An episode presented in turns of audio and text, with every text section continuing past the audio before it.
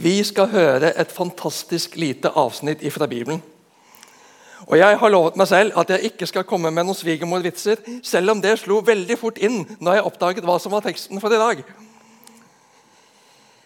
Vi skal dele sammen et avsnitt fra Bibelen hvor det er hverdagens realiteter som preger settingen. Samtidig kan dype ting i oss utfordres. Vi skal få høre at Jesus får komme hjem til Peter, og det utløser noe veldig fint. Både i familien og i nabolaget. Det må bety at det gjelder å slippe Jesus til i vår konkrete hverdag.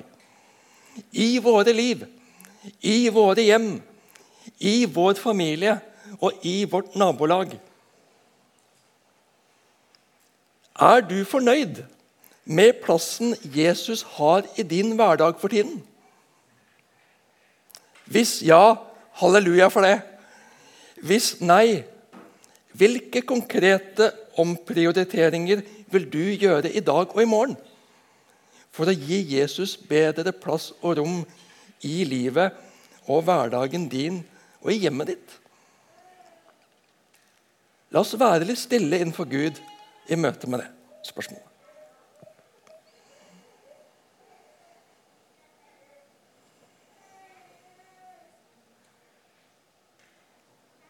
Herre, du ser og kjenner alt i våre liv. Du ser det som opptar en plass som du egentlig skulle ha. Rydd det bort, så du får plassen du skal ha. Jeg vil at du skal være herre i min hverdag, i min tid, i mitt hjem. Amen. Nå skal vi reise oss mens vi lytter til Guds ord slik vi finner det i Matteus evangeliet kapittel 8, vers 14-17. Jesus kom hjem til Peter og så at svigermoren hans lå til sengs med feber. Han rørte ved hånden hennes, og feberen slapp henne. Hun sto opp og stelte for ham. Da det ble kveld, brakte de til ham mange som hadde onde ånder. Han drev åndene ut med et ord og helbredet alle som var syke. Slik skulle det ordet oppfylles som er talt gjennom profeten Jesaja. Han tok bort våre plager og bar våre sykdommer. Slik lyder Herrens ord. Vær så god, sitt. Hva er det som stanser deg spesielt i dette avsnittet i dag? Er det Peters syke svigermor som blir frisk? Er det at hun straks står opp og stuller og steller? Er det naboene som kommer? Ånder som blir drevet ut, og alle syke som blir friske? Er det profetordet som oppfylles? Han tok bort våre plager og bar våre sykdommer. Og et nagende spørsmål Jesus, hvorfor er jeg fortsatt syk etter alle bønner som er bedt? Jesus, hvorfor helbreder du ikke han som hadde livet foran seg? Dette er i hvert fall spørsmål som jeg har behov for å se nærmere på.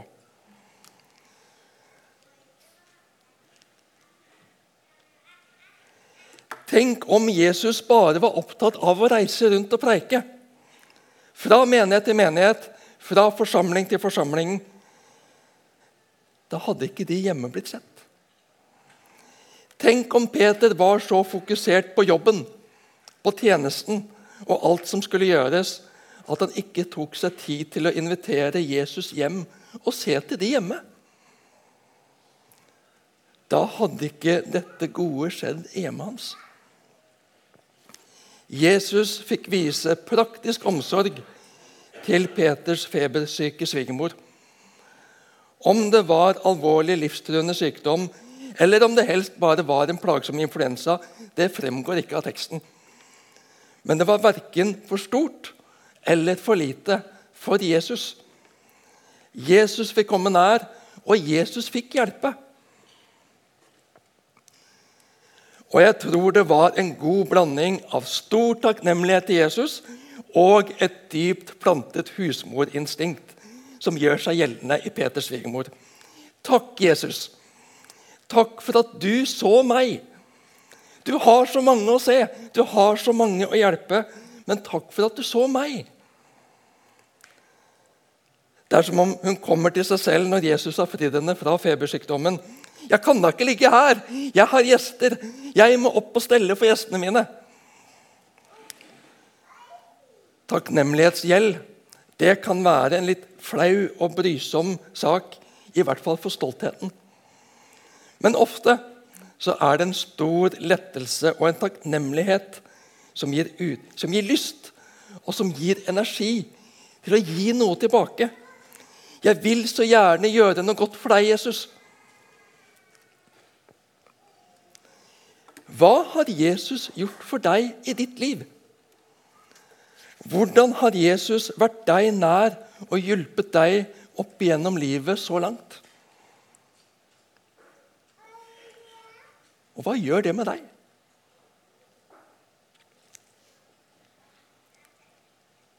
Så spres ryktet utrolig fort. Det var ikke til å unngå at folk fikk med seg at Jesus var kommet til nabolaget. De hadde hørt om Jesus. De hadde fått, de hadde fått med seg at Jesus hadde evner utover det vanlige. Da det ble kveld, brakte de til ham mange som hadde onde ånder. Han drev åndene ut med et ord og helbredet alle som var syke. Vi lever i en tid, vi lever i et samfunn hvor mange ikke har tro på en åndelig virkelighet. En del kan strekke seg til en kommentar à la 'Det er mer mellom himmel og jord enn vi kan forstå' i møte med det uforklarlige. Men mange i Vesten avskriver onde ånder som en realitet. Men majoriteten i verden gjør ikke det.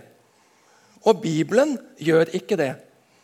I Efeserne 6,12 leser vi For vår kamp er ikke mot kjøtt og blod, men mot makter og åndskrefter, mot verdens herskere i dette mørket, mot ondskapens ånde her i himmelrommet. Der er krefter der ute som vi ikke skal spøke med eller flørte med. De kan og de ønsker å besette mennesker. Også i vår del av verden snakket en før i tida om å selge sjela si til djevelen. Der er også onde ånder som har evner til å helbrede og gjøre mirakuløse ting. Det ser vi når Moses står for farao og vil lede israelsfolket ut av landet. Det ser vi hos fariseerne og de skriftlærde, som ville tilskrive Jesu undergjerninger den ondes makt. Det er ved Beelzebul han driver de onde åndene ut.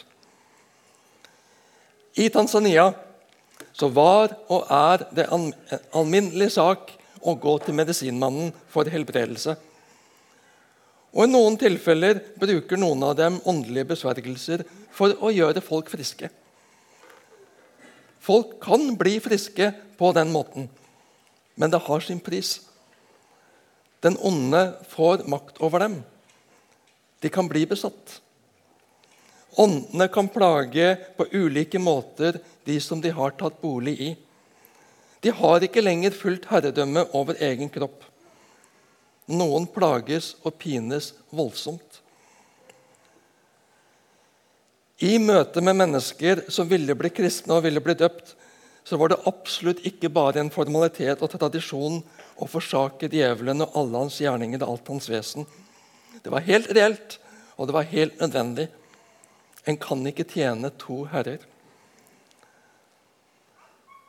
Det verste vi kan gjøre, det er å late som om onde ånder og åndskrefter ikke finnes, og bagatellisere dem bort. Det er ingenting å bry seg om. Det er bare overtro. Nei. Men nesten like ille er det å se demoner og åndsmakter i alt. Begge deler gir den onde stor makt og posisjon.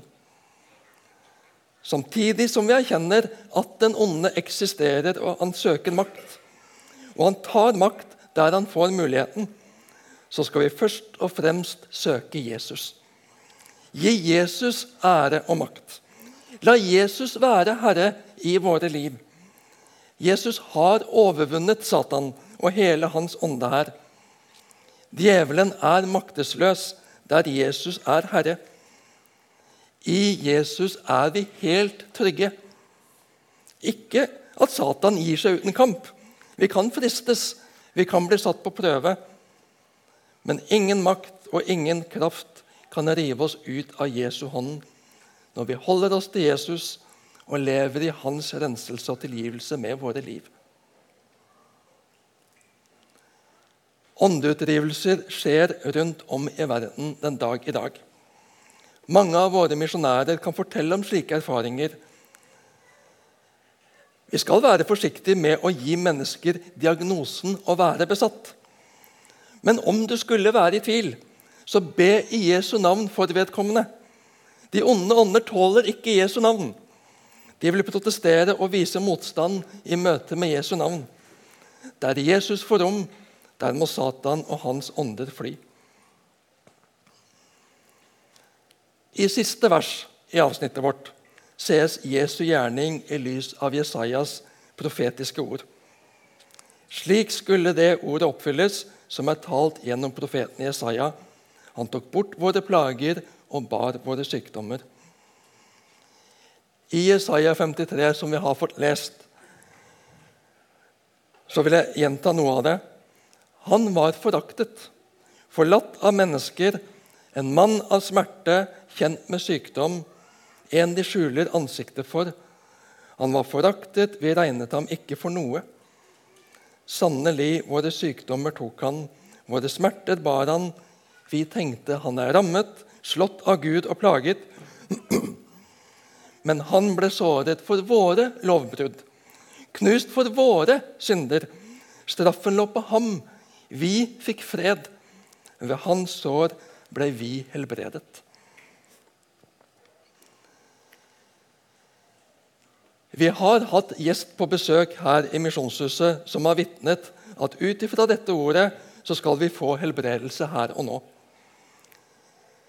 Et vitnesbyrd à at det er ikke meningen at kristne skal være syke. Vi skal få tro oss friske i Jesu navn. For meg er det viktig å si at det er ikke en teologi og bibelbruk som vi går god for i Misjonshuset og Misjonssambandet. Vi tror og bekjenner at Jesus har sonet all vår synd. Da Jesus døde på korset på Golgata, sonet han all verdens synd. Den er gjort opp for. Det er ikke noe du kan gjøre som det ikke er tilgivelse for. Jesus har sonet all din og min synd i fortid, nåtid og framtid. Og sykdom og død er resultat av synden som kom inn i verden i syndefallet. Det var ikke sykdom og død før syndefallet. Så er Jesus også tydelig på at menneskers sykdom og lidelse slett ikke alltid er resultat av enkeltmenneskets synd.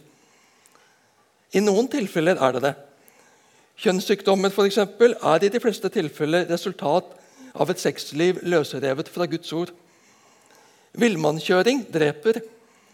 Og det er tankevekkende at dødsfall i trafikken har økt igjen de siste årene etter mange års nedgang. I noen tilfeller er sykdom og død direkte følge av personlig synd, men ofte er det ikke det. Men vi som lever her i verden, lever i en fallen verden. En verden hvor synd og ondskap har fått rom og det har ulike konsekvenser med seg. Jesus har tatt et oppgjør med det. Jesus har sonet straffen for synden og tatt på sin kropp konsekvensen av synden, slik at vi ved denne tids ende, når Jesus kommer igjen for å gjøre alle ting nye, skal bli fri. Helt fri. Vi er frelst i troen på Jesus i dag i betydningen vi er rene og rettferdige, himmelen verdige i Jesus alt nå. Samtidig har vi ennå ikke fått se frelsen til fulle. Den skal først åpenbares når vi står hjemme hos Far i herlighet. Her i dette livet har ondskapen plass og rom. Vi lever i en ventetid, en tid hvor misjon er mulig hvor frelse er mulig, hvor vi inviteres og skal invitere alle som vil høre, inn til frelse og nytt liv i Jesus. Invitere til en framtid uten synd og ondskap. Og derfor uten sykdom og død. det er hva Jesus så gjerne vil hente oss hjem til. Vi lider her. Vi smertes her. Vi rammes av urettferdighet og uforståelige ting her. Men du skal ikke være tvil, i tvil om at du har en far som vil berge deg gjennom dette. En dag skal han utfri deg fra dette. Han vil frelse og gjenopprette og gi deg fullkommen glede og fred hjemme hos ham i herlighet. Og Det var dette Jesus ville gi tegn på. En peker imot. Dette livs sykdom og lidelse, dette livet hvor vi trykkes ned av det spillerom vi ga den onde i syndefallet. Det skal ikke alltid være slik. Jeg kommer for å skape noe nytt. Jeg er kommet for å frelse. Jeg vil utfri. Jeg vil sette deg fri fra alle den ondes, all den åndes makt og dets konsekvenser. Jeg tar det på meg for at du skal gå fri i herlighet. Dette har jeg sagt dere for at dere skal ha fred i meg, sier Jesus. I verden har dere trengsler, men vær frimodige. Jeg har seiret over verden. Hold ut. Hold deg til Jesus. Ikke kjøp djevelens premisser og la deg lure av hans besnærende og tilsynelatende lekre fristelser. Ikke la ham få ta tiden din og dra prioriteringene dine i sin retning. La Jesus få prege hverdagen din. La Jesus få prioritet på tiden din. La Jesus få god plass i hjemmet ditt. Hellige Gud, hellige oss i sannheten. Ditt ord er sannhet.